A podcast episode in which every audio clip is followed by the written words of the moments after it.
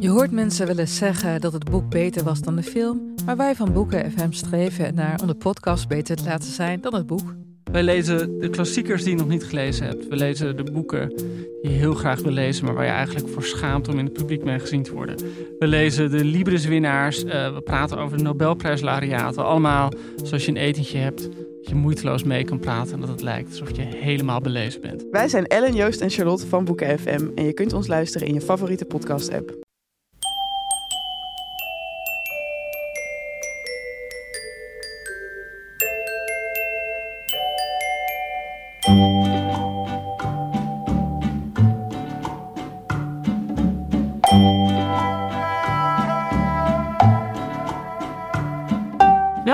Aflevering 18 van de Echt Gebeurd podcast. Echt Gebeurd is een maandelijkse middag in Toemler waar mensen waar gebeurde verhalen vertellen die ze zelf hebben meegemaakt. We laten nu een verhaal horen van Aaf Brand Korstius en het thema van de middag was beesten.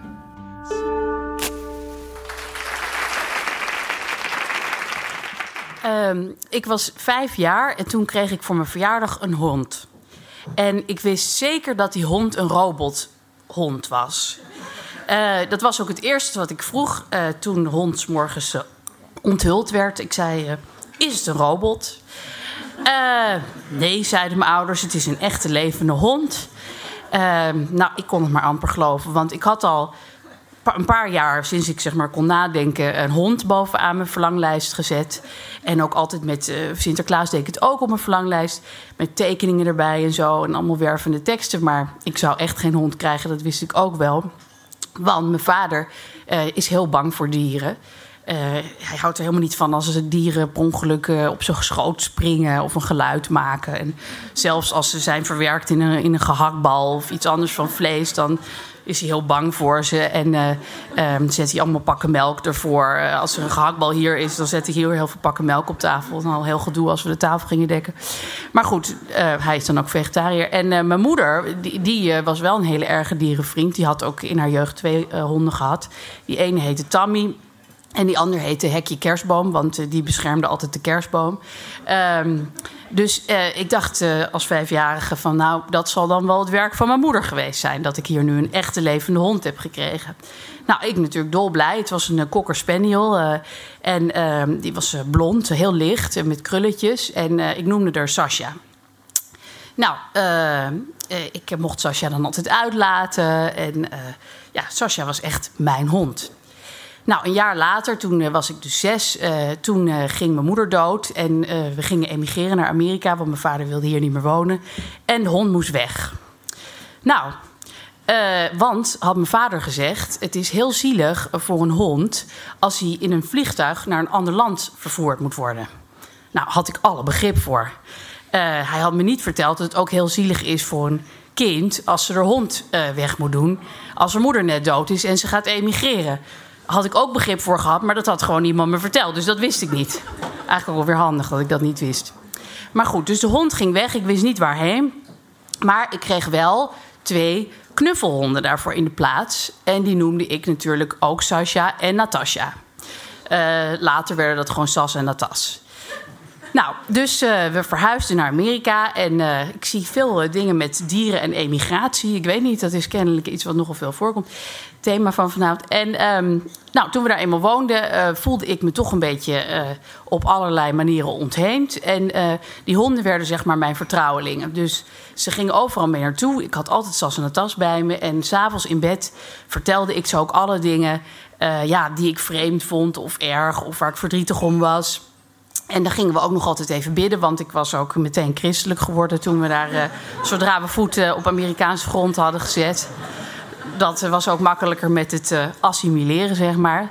En um, nou, dus dan lagen we in bed en dan zei ik bijvoorbeeld tegen Sas in de tas van... nou, het was de eerste schooldag op de Amerikaanse school. Ik was eerst op een internationale school gezet door mijn vader... maar daar zaten allemaal kinderen van een volkje dat Hmong heette. En het Hmong-volk, eh, dat sprak ook dat was een soort uh, Aziatisch volk. En uh, mijn broer en mijn zus en ik leerden dus vloeiend Hmong spreken op die school... maar heel weinig Amerikaans-Engels, eigenlijk geen...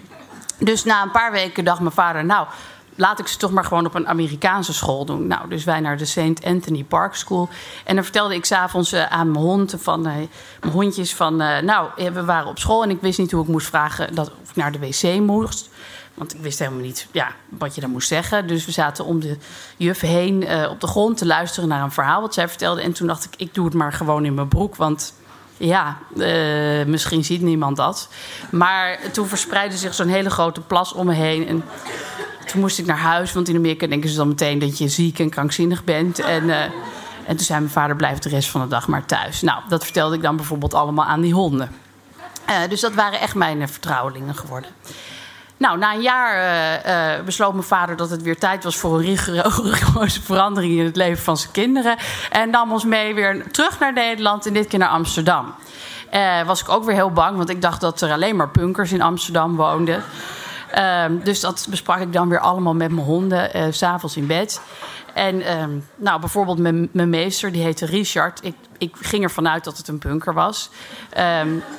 Maar uh, ja, toen ik hem voor het eerst zag, was een soort lange, beetje lijzige man met bruin haar, met zo'n pony. En ik zat maar te kijken van, ja, het is een punker, maar ja, je ziet het niet. Maar, nou ja, en dat besprak ik dan weer allemaal met mijn hondjes. Nou, in die tijd uh, was ik ook, en nog steeds trouwens, uh, lange tijd. Uh, dat ging eindeloos door dat ik zo gevoelig was ook met mijn hondjes. Want ik hield natuurlijk heel veel van ze. Vond ik het bijvoorbeeld heel vervelend dat mijn nicht, Jantien, die was even oud als ik. En die vond het allemaal wel heel klef met die honden. En die ging dan altijd vragen: welke vind je liever, Sas of Natas? Nou, dat vond ik op zich al Sophie's Choice. Ik begreep gewoon niet dat je dat aan iemand ging vragen, kon vragen. Dus dan zei ik, ja, ik vind ze natuurlijk allebei even lief. Ik vind Natas liever, zei ze dan. Want die is mooier. Nou ja, dat ging mij dan door merg en been. Uh, het gebeurde ook een keertje dat, want ik nam ze dus echt overal mee naartoe... dat een keer op, op kinderkamp gingen kinderen met ze overgooien. Nou, dat was voor mij eigenlijk genoeg reden om nooit meer terug te winnen naar dat kamp. Dus ik stopte ze altijd heel diep in mijn, in mijn slaapzak en dan kon niemand ze zien. Ja, schrijnend, ik weet het, maar het wordt nog veel erg. Nee. Maar uh, nou, uh, we waren dus uh, toen een tijdje terug in Nederland. En toen zei mijn vader ineens van, weet je... ehm, wil je eigenlijk zien waar, waar de echte Sas is gebleven? Wil je er nog een keertje zien?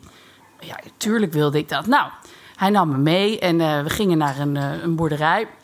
En daar lag achter een hek een, een hond met allemaal puppies om haar heen. Heel schattig. En uh, het was inderdaad een, een, een cocker spaniel. En uh, mijn vader zei van... Uh, kijk, daar Sas. Ik heb haar aan deze boer gegeven. En nu heeft ze een nestje. Nou, dat vond ik ontzettend leuk om te zien. De boer zagen we niet of zo. Maar we stonden daar gewoon een beetje bij dat hek. En daar lag dus Sascha. En nou, ze was, ze was alleen niet meer blond. Ze was donkerbruin. Maar goed. Uh, ik dacht, wat fijn. En ze heeft een goed leven. En nu heeft ze al die puppies. Wat leuk. Nou, dus wij naar huis. En uh, jaren later, ik maak even een sprong in de tijd... Uh, zat ik bij een psycholoog. Ik was toen ongeveer 26 en ik had nog wat paar issues uit mijn jeugd uit te knobbelen, zoals dat dan heet. En uh, nou, ik vertelde het verhaal van die hond in het weiland en zo. Van toch wel lief van mijn vader dat hij me toen nog een keer had meegenomen. En toen zei die psycholoog van ja, maar uh, die hond was dus bruin. En uh, jouw hond was toch blond? En toen zei ik ja. zei ja, dat was waarschijnlijk een andere hond. Nou. Nou, en toen zei hij dus ook dat het heel slecht was dat die hond van me afgenomen was en uh, dat we echt geëmigreerd waren. En toen zei ik van, ja, maar mijn vader kon er ook niks aan doen. En toen zei hij, ja, maar je vader zit hier niet op het strafbankje. Je mag alles over hem zeggen wat je wil. Hij wordt niet naar de gevangenis gebracht. Toen dacht ik, hé, hey, dat is waar. En toen heb ik vier jaar non-stop over hem zitten klagen. En dat hielp enorm. Onze band is nu heel hecht. Veel hechter in ieder geval. Maar goed. Ik was dus 26 en ik sliep nog steeds met Sas en de in bed. Ik kon echt niet zonder ze slapen. En uh, nou ja, als ik dan wel eens een vriendje had, dan uh, was het de eerste avond dat zo even Sas en een beetje wegmaaien. Uh, en, maar ja, eigenlijk al snel zei ik van nou, dit zijn Sas en de dit is die en die. En dan, en na een tijdje was het dan van nou, we gaan slapen. Oké, ik met Sas en de vinden sommige mannen volgens mij ook helemaal niet zo erg. Die vinden het eigenlijk wel lekker om een beetje op zichzelf te liggen. Dus dan heb jij iemand om vast te houden kunnen zeggen. Maar goed, eh, het was natuurlijk wel een beetje van wanneer kom ik hiervan af? Ik was 26, 27, 28, 29, 30. En ja, het is ook niet zo van, nou, nu ben ik 30. Nu is het niet meer normaal om met honden te slapen. Ik bedoel, Ja, dat is op je 29e ook wel een beetje raar. Dus ik dacht, weet je, ik zit hier gewoon voor eeuwig vast. Geef niet iedereen zijn dingetje. Ik heb dan zelfs een tas. Ik ga er gewoon heel open en leuk mee om. En uh, iedereen weet dat van mij. Um, nou, toen kreeg ik uh, uh, een nieuwe vriend, uh, Gijs. En nou, ik voorstelde Gijs als een tas, als een tas. Gijs, nou, hij vond het allemaal prima. Dat vond ze heel, eigenlijk wel grappig. Hij ging wel heel vaak vragen naar dat verhaal over mijn nicht. Wie vind je liever, Sas of Natas? Nee, kon ik nog steeds mee omgaan, maar goed. En... Nou, en uh, Gijs en ik uh, besloten dat we wel samen een kind wilden. Dus nou, ik heel dolgelukkig. En, uh, maar de eerste keer dat ik zwanger werd, werd het een miskraam. En daar was ik heel diep ongelukkig over. En in de maanden daarna dacht ik steeds: wat kan ik nou doen om weer zwanger te worden? Want dat wil ik echt. En eigenlijk wel gewoon nu. Nou, dus ik denk en googelen en nog meer nadenken. En toen dacht ik: weet je, misschien moet ik gewoon zelfs een tas uit mijn bed bannen. Want het is niet hun schuld, maar als je moeder wordt, dan slaap je niet meer met knuffels. Een moeder heeft geen knuffels, een kind heeft knuffels. Dus ik ben dan nu geen kind meer, want ik krijg nu kinderen. Dus zoals ze naar tas gaan, op een plankje als decoratieve objecten, dat is gewoon beter voor iedereen. En het hielp, want ik werd zwanger en uh, ik kreeg een kind. En uh, ik gaf Sas een tas aan mijn zoontje. En nou, interesseerde hem niet. Hij wilde dan Elmo. Nou ja, goed kracht van de commercie, zullen we maar zeggen. Twee zulke mooie antieke pronkstukken, maar nee, liever die rode lachpop van Sesamstraat. Maar goed, uh, dus hij met Elmo. En, uh, en ook mijn dochter die daarna kwam, uh, die vond zoals een tas niet boeiend. En het, ze verdwenen ook een beetje uit mijn vizier. We verhuisden en op een gegeven moment lag Natas dan boven op de kamer van mijn zoontje... En, en Sas beneden in de box. Nou, dat had ik vroeger natuurlijk nooit toegestaan... dat ze zo ver uit elkaar los zouden liggen, maar... En um, nou, uh, op een dag uh, dit jaar ergens, mijn zoon uh, is nu anderhalf, een enorme voetbalfanaat. En um, die, die voetbal met alles wat hij maar kan vinden. En hij was heel wild aan het voetballen met een, ja, met een, met een grote bol watten. Had ik het idee. Dus ik ging zo kijken, wat heeft hij nou weer gevonden? En ineens zie ik het, het zijn de hersens van Natas. Mijn zoon had uh, kennelijk uh, dat bolletje hersenen uit haar hoofd gehaald. En was daar gewoon mee in zijn kamer heel vrolijk uh, mee aan het voetballen. En eigenlijk vond ik dat heel mooi. Ik vond het prima. Dank jullie wel.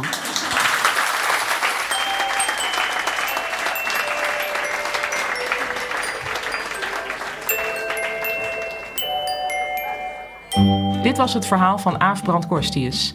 Aaf is bekend van van alles, maar vooral van haar column in de Volkskrant. We hebben maandelijks een middag van Echt Gebeurd in Toemler. De volgende is op 18 december en dan is het thema Met de beste bedoelingen. Je kunt voor meer informatie kijken op www.echtgebeurtintoemler.nl en Toemler is met twee ootjes. En ik zeg er even bij dat we ook altijd op zoek zijn naar mensen die zelf een verhaal willen vertellen of, misschien nog wel enger, willen voorlezen uit hun puberdagboek. De redactie van Echt Gebeurd bestaat uit Micha Wertheim, Rosa van Dijk, Eva Maria Staal, Evelien Mol en mijzelf, Pauline Cornelissen. De techniek is in handen van Vrijman en Vrijland. Bedankt voor het luisteren en bedenk, het beest in je bed is misschien wel het beest in jezelf. Tot de volgende podcast.